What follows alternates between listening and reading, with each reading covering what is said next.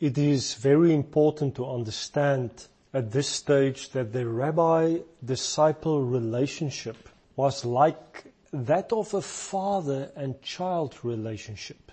These teenagers, and I will talk about the fact that they were teenagers later on, left their homes, families and towns to follow after the rabbi.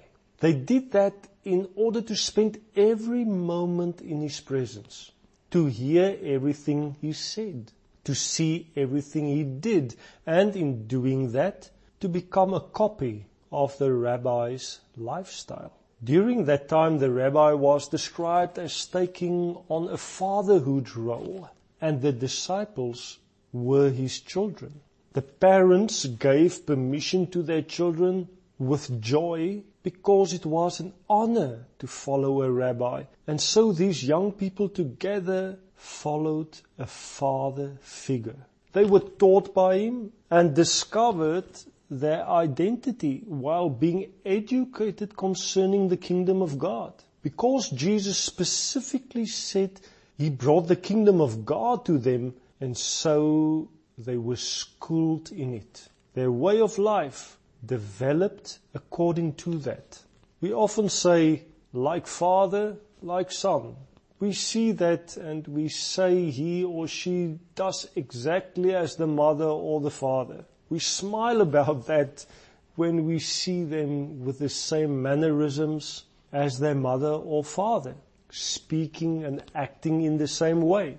So that is exactly what happened with the disciples of Jesus. Christ has chosen you, no matter who you are.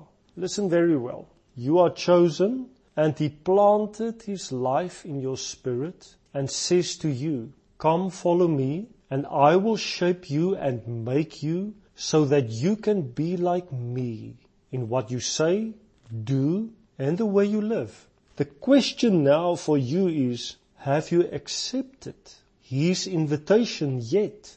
The idea of these conversations with you going forward is so that you can learn with me how to follow Jesus. Yes, the disciples were so privileged they walked and followed Jesus physically. Can you and I do it today?